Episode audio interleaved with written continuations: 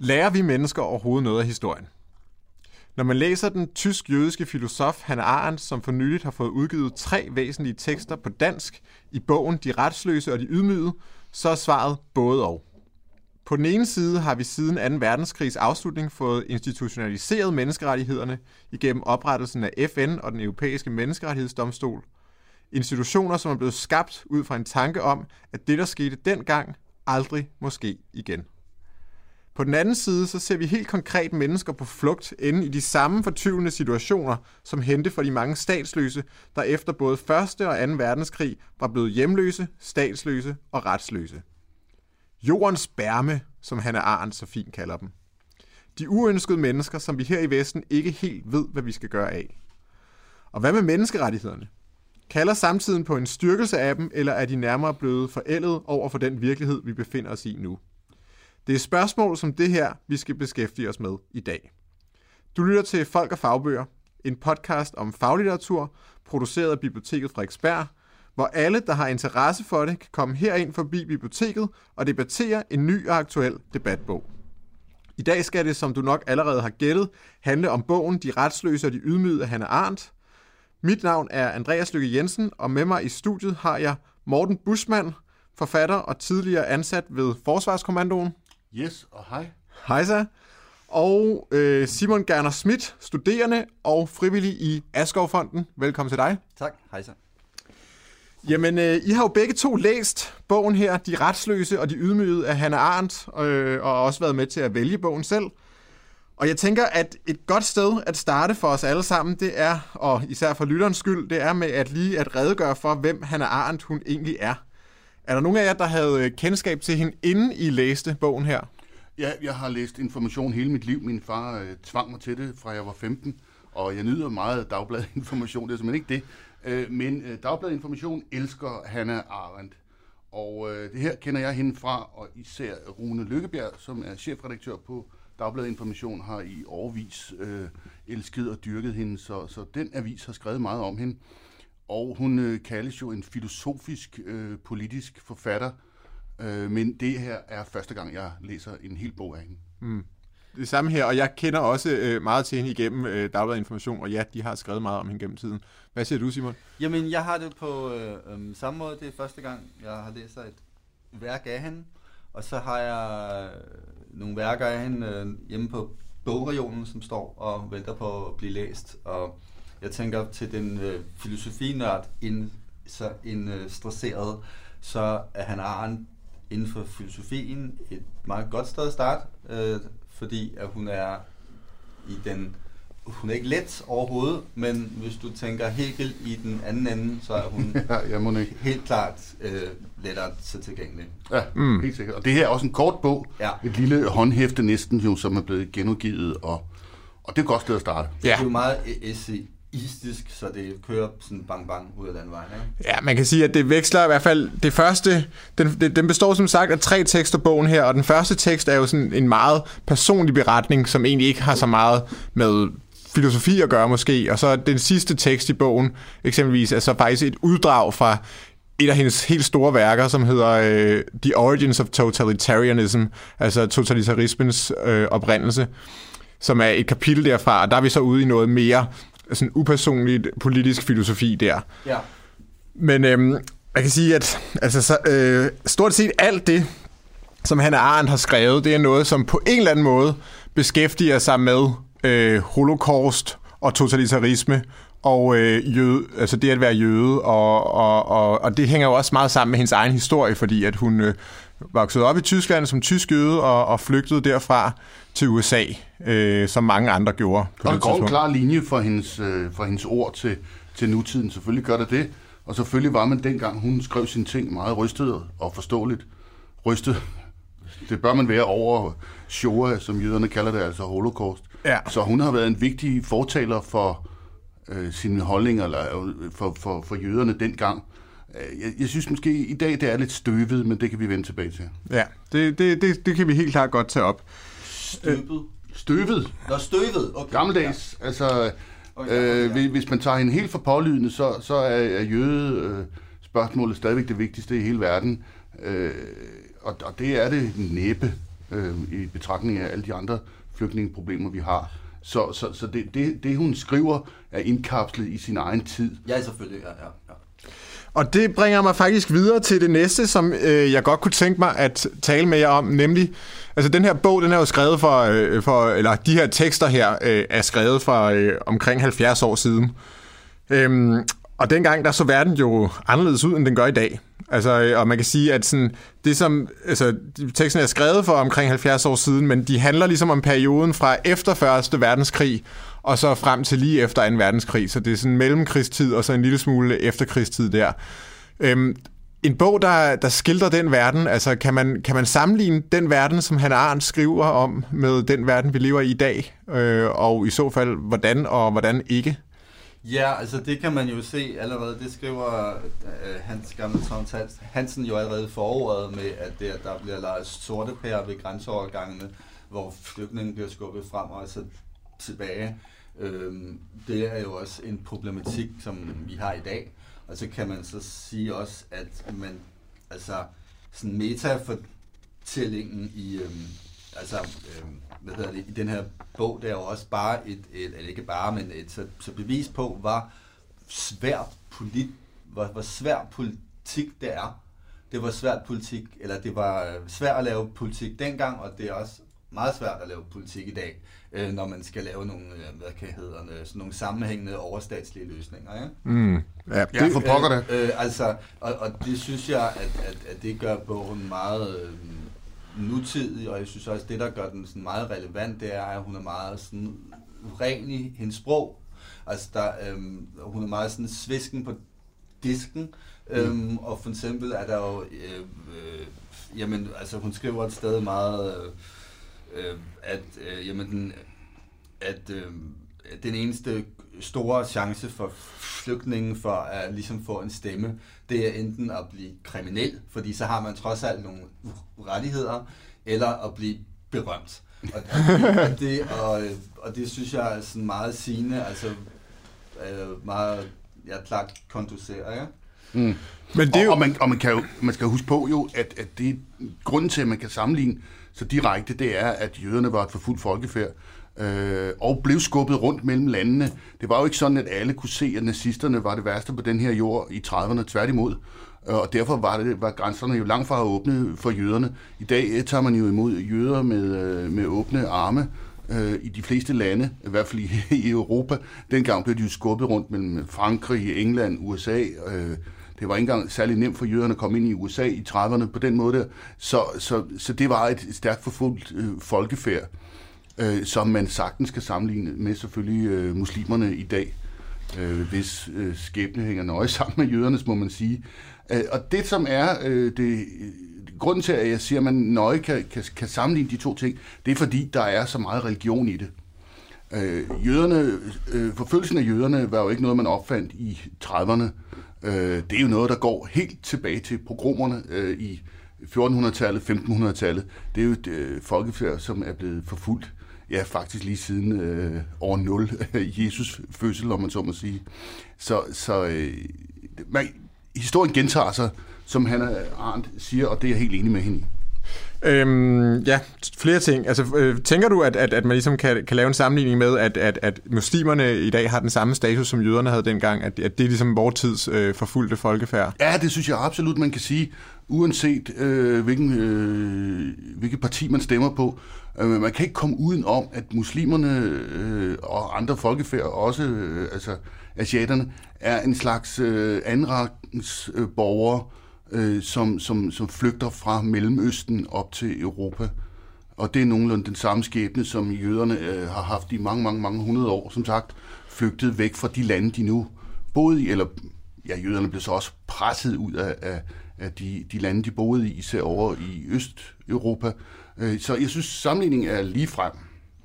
Jeg synes du ikke, at Hannah Arendt gør så meget ud af det i sin bog, Muslimernes skæbne, men den er jo også skrevet for 70 år siden. Det, det er rigtigt. Det, det, kommer hun, det er hun slet ikke inde på overhovedet. Øhm, Jamen, hun, hun kommer faktisk lidt ind på Palæstina på problemet.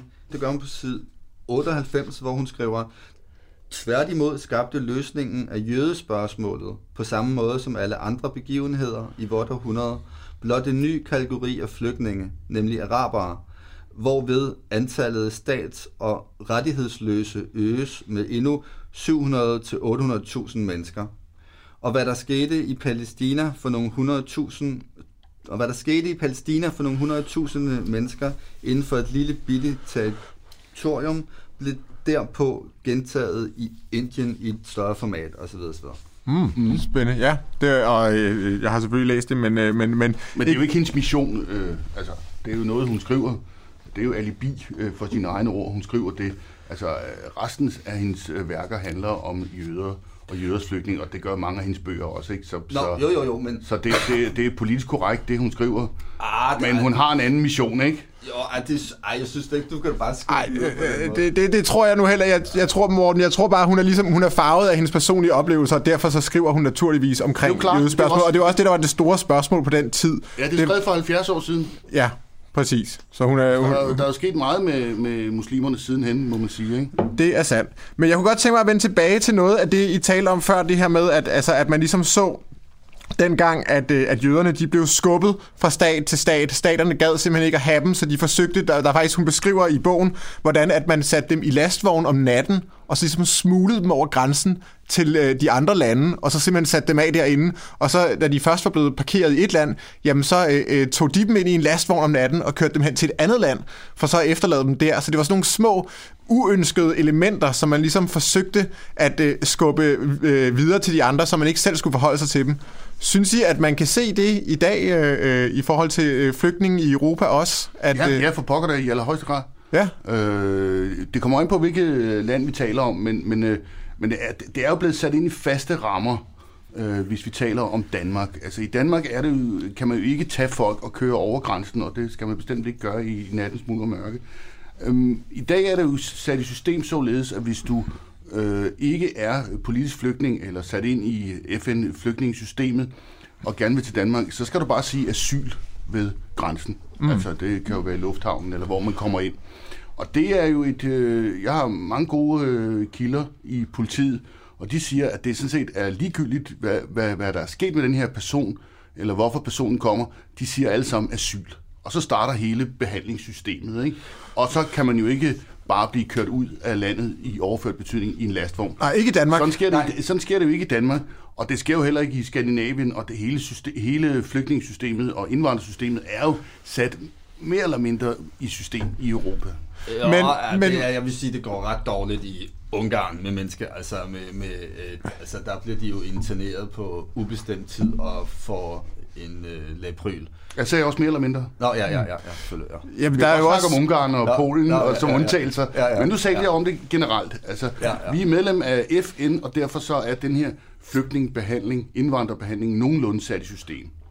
Ja, ja. Det, der, det, der er kommet frem, det er jo, at i Kroatien, der, der har ordensmagten simpelthen øh, tilstået øh, ret tydeligt, at de, øh, de simpelthen bare tæver flygtninge ved grænsen og, og skubber, dem, øh, skubber dem ud igen. Altså, at de øh, med, med magt holder flygtninge udefra, og selvom man påberåber sig asyl, så får man ikke rigtig noget ud af det der. Det gør man jo så i, øh, i Danmark, selvfølgelig, hvis man kommer mm. her og siger asyl. Men altså, der er jo visse steder i Europa, hvor vi stadigvæk ser den her håndtering af flygtninge, som vi også så dengang. Jamen, der er også gode stemmer i det for politikerne. Det er et simpelt problem at skyde efter en befolkningsgruppe, som nazisterne også øh, brugte som politisk metode. Og det kan man også se i, i 2020, altså i disse år, at øh, der er gode stemmer i det, og, og verden er jo blevet, øh, politik er blevet ekstremt kompliceret i mange lande. Og derfor er et, et, en ting som at skyde efter en befolkningsgruppe, det er noget, der giver nemme stemmer Mm. Øh, samtidig, øh, og det er jo en af mine kæpheste, det er, at ham, samtidig har man sat befolkningen til arbejde ekstremt meget, voldsomt meget, så de kun kan falde om på sofaen, når de kommer hjem om aftenen, og ikke har tid til at sætte sig ind i mange øh, politisk komplicerede emner.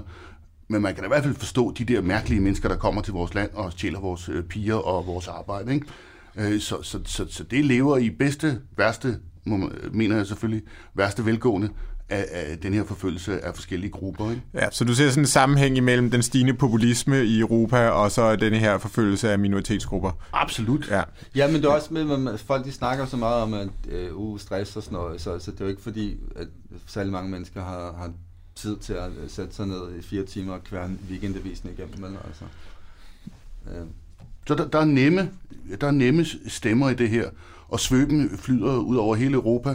Øh, selvfølgelig nu sagde jeg, at det hele var sat i system, men vi kan bare kigge en smut til Sverige, hvis, hvis seneste meningsmåling i, i Sverige har vist, at Sverigesdemokraterne øh, står til, til flertal i, Ja. i, øh, eller være det største parti i Sverige. Og Morten, som, som, øh, som vært her på programmet, så er det også min rolle at være en lille smule øh, djævelens advokat. Ja, og nogen vil jo sige, at årsagen til, at mange mennesker de stemmer på partier, der er kritiske over for indvandring, partier, som rent faktisk ønsker øh, med meget hårde midler at begrænse ikke-vestlig indvandring til Europa, det er fordi, at problemerne sådan set er reelle nok. Det er i hvert fald øh, øh, den øh, holdning, som øh, mange danskere har, øh, eftersom de har stemt på de her partier. Og øh, der er vel også noget statistik, der bakker op omkring sådan et synspunkt. Ja, for pokker det. Selvfølgelig er der reelle problemer, og, og, og øh, dem skal jeg ikke gå ind på, men jeg kan da fortælle en lille sjov historie fra min, fra min egen familie. Øh, mine brødre bor, og, og deres øh, dejlige hustruer bor på Østerbro, en beskyttet enklave her i, i denne by. Og øh, for nogle år siden, for en 10 år siden, så var mig og min, min ekshustru, ja, ja, vi var gift stadigvæk dengang, øh, til middag hos dem, og vi diskuterede dette emne, og øh, mine forældre, øh, mine brødre er, øh, er fornuftige, radikale mennesker, øh, stemmer radikalt, og benægtede, at der var problemer overhovedet med øh, muslimer og, og indvandrere. Og så slog min ekskone i bordet og sagde, jamen jeg øh, har boet nogle år på Mors, og i, i et ejendomskompleks derovre. Og derover der oplevede vi nogle helt ekstreme situationer med muslimer. Øh, og det synes jeg var... Altså, det, det tror jeg, det der er sket, ikke? At, at man i København, magtcentrummet, ikke har opdaget, hvad der sker ude i provinsen. Og at man ikke har taget, hvad skal man sige, provinsens oplevelser alvorligt. Mener, der har været en, en meget stor øh, kløft mellem eliten og politikerne ned til folket. Og derfor så mener jeg også, at der er mange, som har stemt protestagtigt, altså protestvælgere, som har stemt på Dansk Folkeparti, for at ruske op i øh, eliten og politikerne. Og det er jo den samme bølge, vi ser med Trump. Øh, Der er mange amerikanere, der stemmer på Trump. Ikke nødvendigvis, fordi de er enige med ham, men et opgør med eliten. Ikke? Mm, men nu kan man så sige, at nu er der rigtig mange, der er stoppet med at stemme på Dansk Folkeparti øh, ved, ved det seneste valg. De gik kraftigt tilbage, øh, fordi at Socialdemokratiet har indoptaget rigtig meget af den politik, og nogle er måske også gået over til Nye Borgerlige. Men vi bliver simpelthen, for at holde tidsplanen, så bliver vi nødt til at gå videre til at snakke om et emne, som er utrolig væsentligt i Hannah Arnes forfatterskab, og også for de tekster, vi har læst om i dag, hvilket nemlig er menneskerettigheder.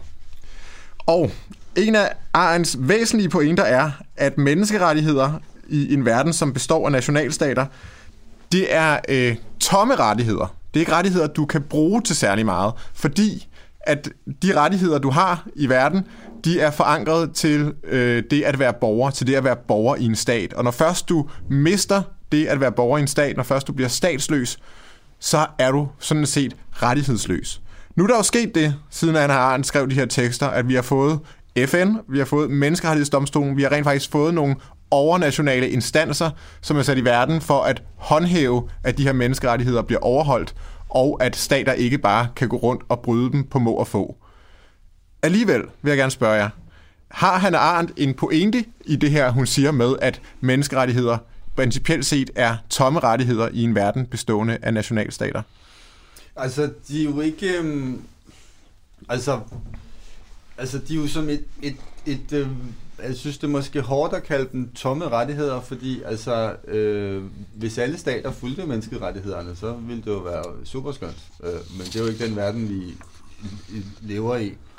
Øhm, men altså, altså selvfølgelig har hun, altså selvfølgelig har hun øh, en pointe i, at det skal være koblet op på øhm, Altså, altså, fordi, altså, det skal være koblet op på et borgerskab for det enkelte menneske. Altså, fordi menneskerettighederne i sig selv er jo ikke en... Øh, det er jo ikke et land, eller en, en, en altså, øh, altså, hvis du forstår, hvad jeg mener. Nej, nej, det er godt, men menneskerettighedsdomstolen er jo en ja, institution. Ja, ja, ja, ja altså, Og FN er en det synes institution. Jeg, altså, jeg, synes, jeg, jeg synes, de er rigtig, synes, de er rigtig vigtige, fordi det er ligesom, øh, øh, hvad skal man sige, de, øh, øh, er en sikkerhed for, at de forskellige så nationer ikke kan gå fuldstændig totalt lavt øh, i forhold til, til, hvad der hedder at respektere minoriteters rettigheder og handicapkonventioner og, og alt, alt det hejs der. Øhm, altså det, det, det, er jo det er ligesom sådan en øh, altså jeg vil sammenligne det med sådan en ligesom altså øh, når, når folk bringer, eller skal, men der, der, når der er ildebrand i et hus, og folk springer ud og bliver samlet op af sådan en trampolin der. Det kan man, synes jeg godt, man kan kalde menneskerettighederne. Det er sådan den, den sidste... Eller det, er, Det sidste sikkerhedsnet, Ja, det er et glimrende billede. der griber. Ja. det synes jeg. Øh, og, det, og det er også, altså, det er også ligesom, altså nu ved jeg godt, det er et fortærsket udtryk, men det er jo også et værn mod øh, øh, øh, sådan svinehunden, kan man sige. Ikke? Og det kan godt være, at øh, jamen, det er da ikke fedt af, af en eller anden øh, multikriminel øh, whatever, måske, men alligevel er det vigtigt, fordi det, jeg synes, det siger meget om et samfund, at kan tage den, s- øhm, den rigtige beslutning, selv om den umiddelbart måske for nogen vil føles øh, helt himmelråbende forkert.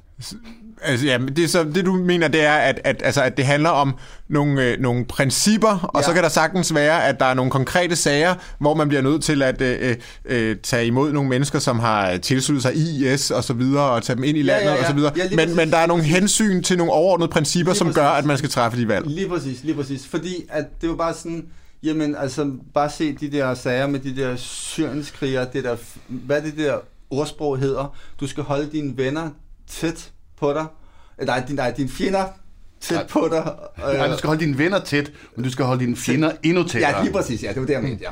Morten, øhm, overalt i Europa øh, ser vi rigtig mange politikere, der øh, er meget, meget kritiske over for den nuværende flygtningekonvention, øh, og som praler med at gå til kanten af konventionerne. Det ser vi også herhjemme i, i Danmark. Det bliver fejret, når der bliver lavet stramninger med kage og så videre.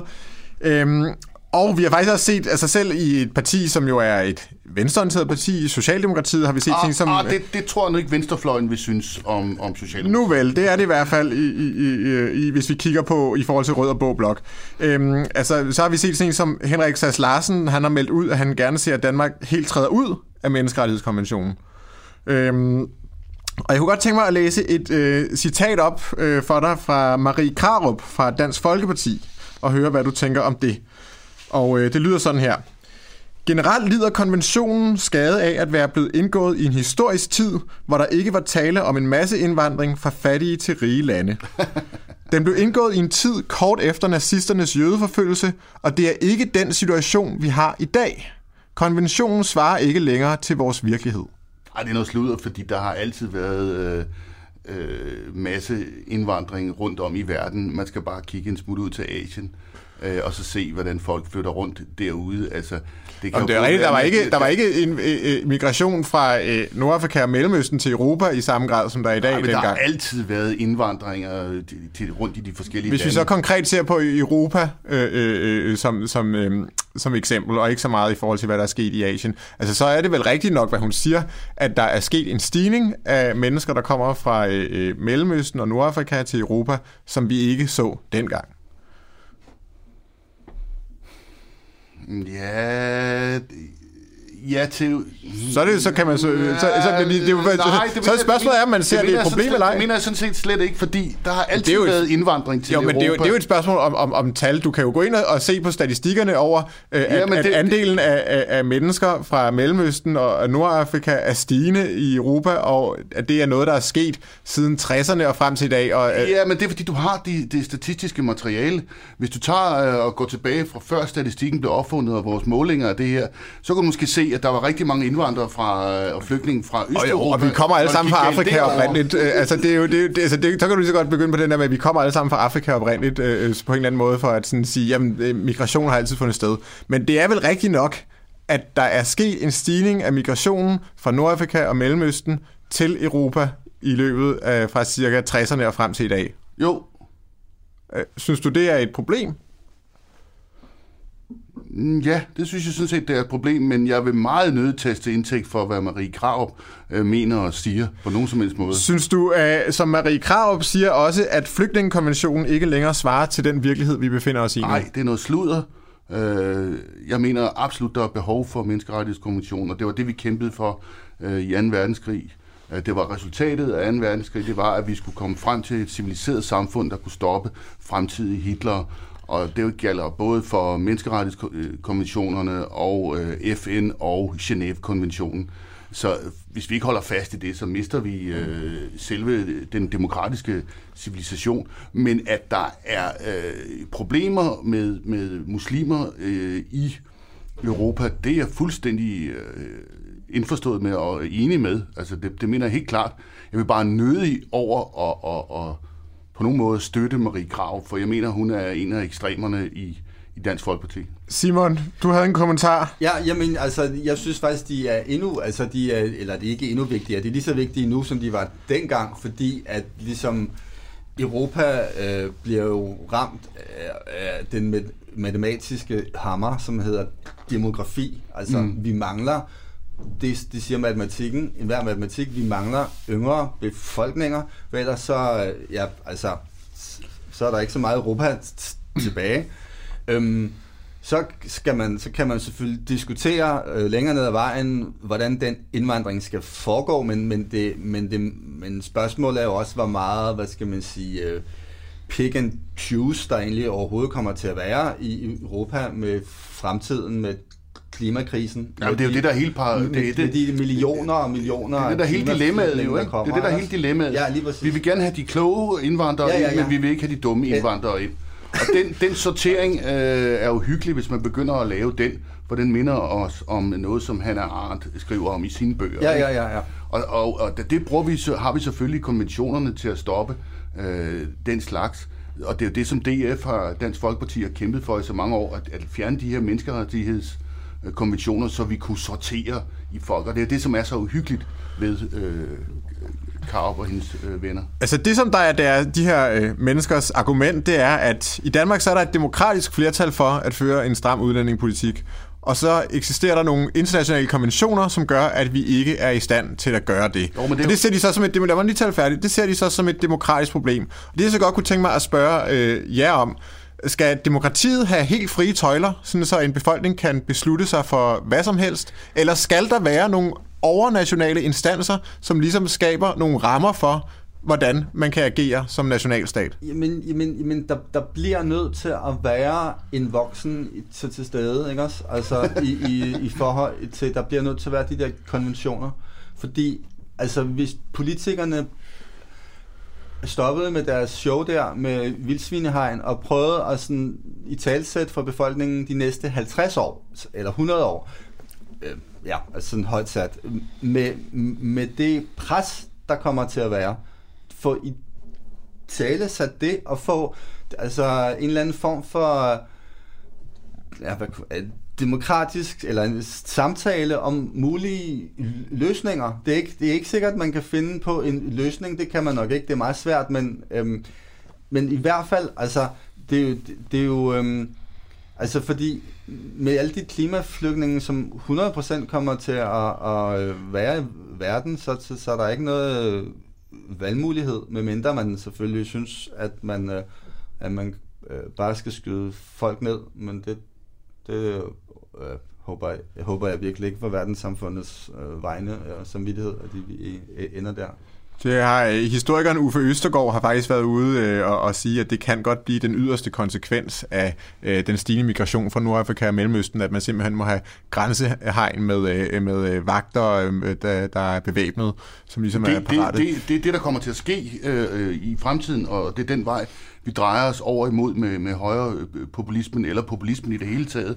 Og det er fuldstændig rigtigt, hvad du siger. Øh, øh, det, der er problemet, det er, at, at demokratiet er jo det bedste styresystem, jo, der findes. Øh, alle de andre har jo slået fejl. Øh, det, demokratiet er ikke øh, fejlfrit, men sådan som vi øh, har indrettet demokratiet, så opererer vi i fire års perioder. Og mange af de problemer, blandt andet med migration og flygtninge og indvandrere, er problemer, som rækker så langt ind i fremtiden, som man kan næsten ikke forestille sig det. 70 år tilbage eller 70 år frem. Altså, det, det kan ikke løses af en politiker, der kun tænker fire år frem.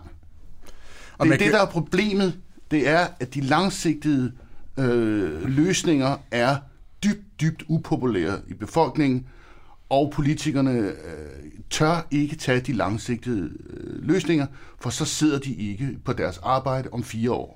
Jamen, det er jo også de løsninger, som faktisk er med øh, den fordelingsnøgle, som de lavede i EU, der var det jo... Altså, hvis Og, og de er jo ikke blevet enige om den forening. Danmark var gået... Nej, nej, det er de, nej. Det er jo typisk. Men altså, hvis øh, Danmark var gået med på den fordelingsnøgle, så havde... Altså, så, så tror jeg nok, jeg læste en eller anden statistik, så havde vi faktisk... Øh, altså, altså, så havde- var det i hvert fald ikke steget. Altså, det er bare... Det altså, og så samtidig så øh, siger de, at UHA og EU, det er noget øh, værre noget, men altså EU er jo ikke øh, bedre end de øh, beslutninger, som, øh, det, øh, som det politiske mandsmod, der er så, så til stede, eller ikke Mm. så til stede. Ikke? Det sidste ting, jeg godt lige kunne tænke mig at vende her i forhold til menneskerettigheder, det er, at øhm, sidste år, så lavede Amnesty International en undersøgelse her i Danmark, som viste, at 8 ud af 10 danskerne bakker positivt op omkring menneskerettighederne. Men samtidig så kan vi se, at et flertal af danskerne stemmer på partier, som øh, meget gerne vil føre en øh, politik, som, hvor de sådan, øh, meget åbenlyst melder ud, jamen vi går til absolut til kanten af de her mm. øh, menneskerettigheder på visse punkter. Hvordan øh, vil, vil I forklare det? Altså, statistik er meget svært at operere med, og, og øh, det kommer meget an på, hvor, hvor, øh, hvordan man spørger. Men jeg tror også, at øh, danskerne er i tvivl.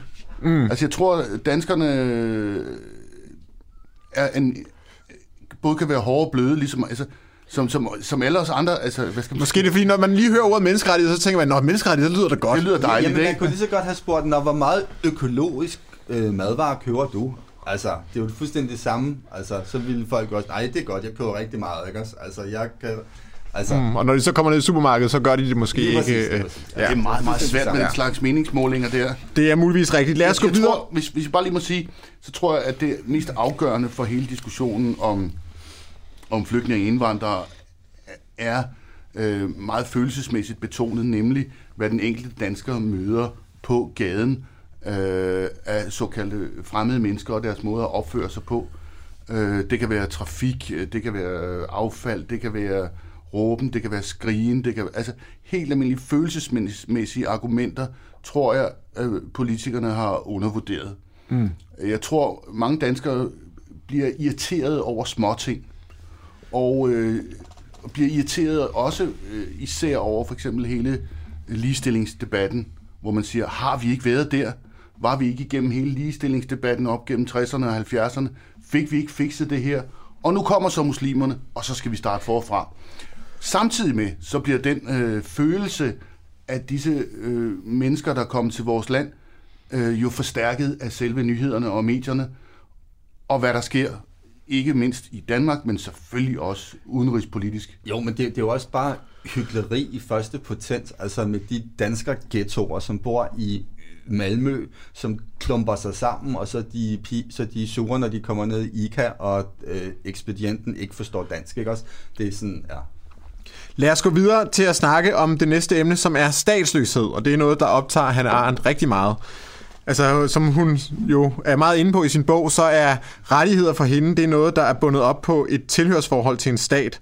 Og derfor så det at være øh, statsløs, det er det samme som at være rettighedsløs. Du har ingen rettigheder som statsløs. Og Danmark har underskrevet to FN-konventioner om at bekæmpe statsløshed, hvilket betyder, at vi faktisk har pligt til at tildele statsborgerskab til personer, øh, når de fylder 21 år, som bor her i landet, øh, og øh, som ikke har begået kriminalitet de sidste fem år. Øh, men både Dansk Folkeparti og Nye Borgerlige, de ønsker, at vi skal træde helt ud af konventionen omkring statsløshed. Øh, hvad tænker I om det? Jamen, jeg tænker, at det er meget ekstremt, og det, og det er sådan en, kun en tanke, der kan fødes hos et individ, som ikke øh, har noget øh, billede på, hvordan det er, hvordan det er at være på flugt. Altså den, den, Men- den, den fællesudkommelse, vi har i Norden, hvor, eller i, i, i de dele af landet, hvor der ikke er noget krig, og der er fred og fordragelighed. Altså, det er jo den privilegeredes øh, fantasi der, der måske løbet lige lovligt løbs. Men Simon, grunden til, at, øh, at, at, altså, at de argumenter, de bruger for det her, det er, at lige i øjeblikket, så er der jo nogle danske øh, øh, statsborgere, og nogen, som øh, har haft opholdstilladelse her i landet, men som ikke nødvendigvis er statsborgere, der er rejst til islamisk stat for at kæmpe for dem. Og ifølge den her konvention om statsløshed, så kan vi ikke tillade som land, at nogle mennesker bliver statsløse. Det er simpelthen ulovligt. Øh, men øh, det vil sige, at vi er altså forpligtet til at give de her mennesker statsborgerskab og tage dem tilbage i landet øh, her.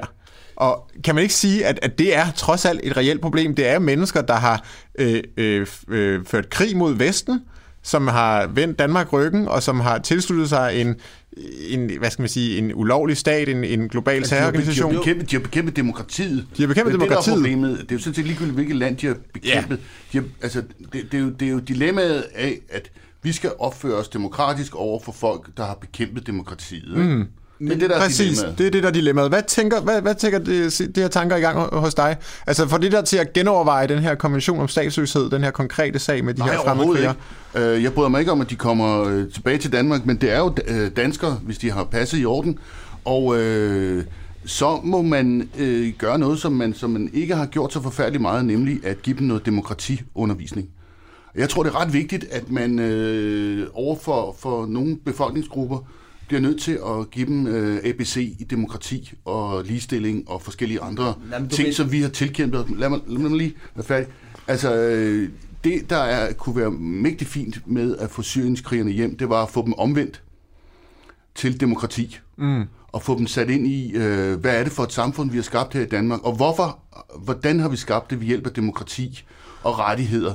Og det betyder så, at hvis man øh, behandler sine fjender ordentligt, så snakker disse syrienskrigere jo selvfølgelig med deres familie og venner ud i hele verden, og får måske et lidt bedre indtryk af, hvad et demokrati kan. Så hvis vi ikke lever op til vores egne værdier, så vil vi fremstå som hyklere i deres øjne. Ja, selvfølgelig, det er jo det, vi kæmpede for i 2. verdenskrig jo.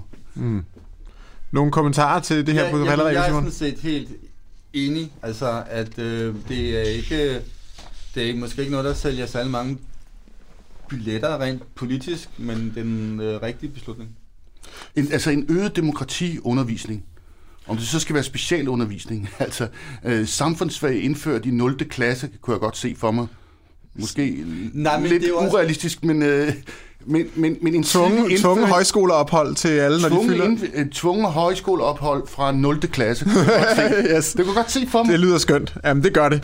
Øhm, sidste punkt, vi skal runde, inden vi runder af, det er øhm, øh, hvad det hedder, nationalstatens fremtid. Endnu et punkt, der optager Han Arendt rigtig meget i de her tekster.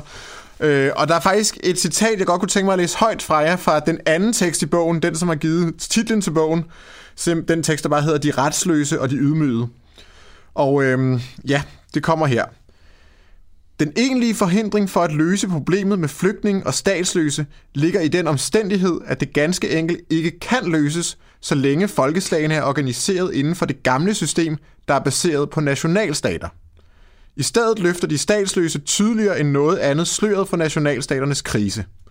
Vi vil ikke være i stand til at mestre denne krise ved at dynge den ene uretfærdighed oven på den anden, blot for at genskabe en orden, der hverken er i overensstemmelse med vortids retsbevidsthed eller vortids vilkår for mellemfolkelig sameksistens.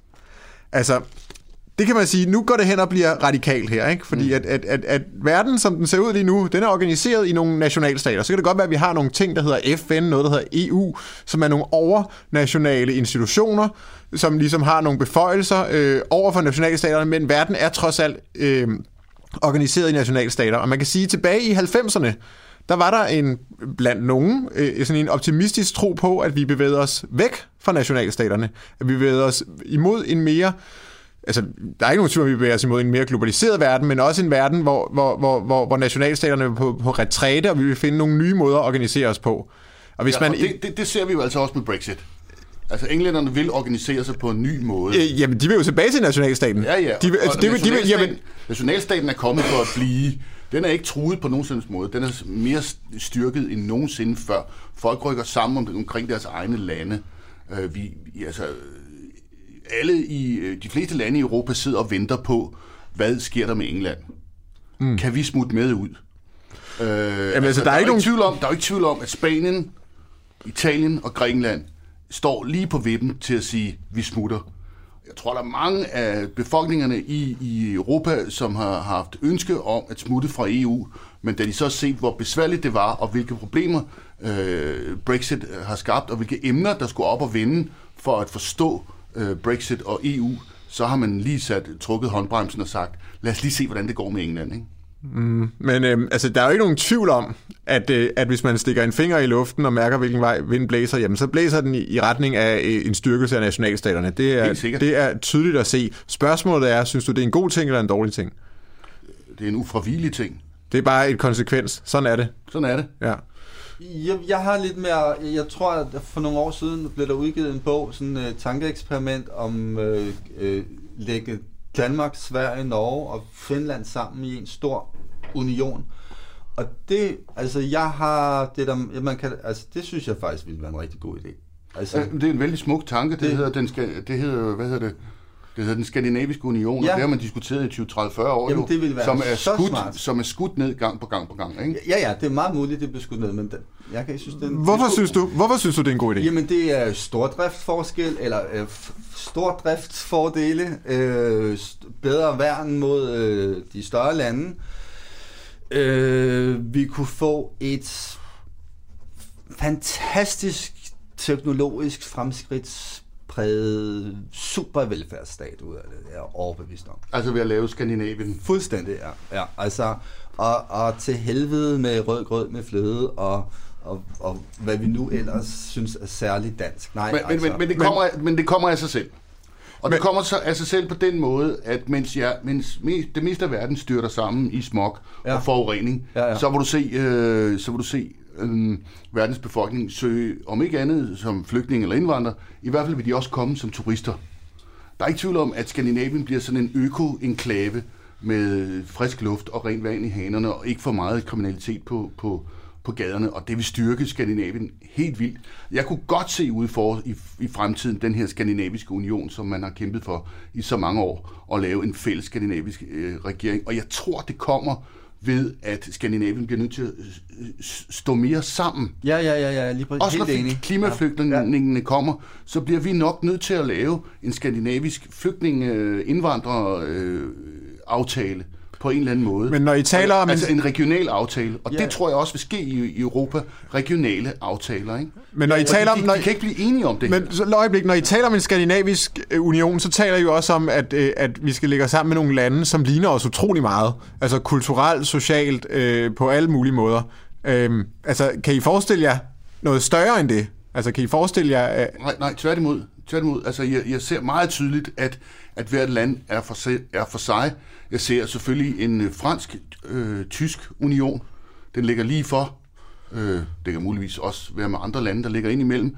Øh, England vil sejle sin egen sø.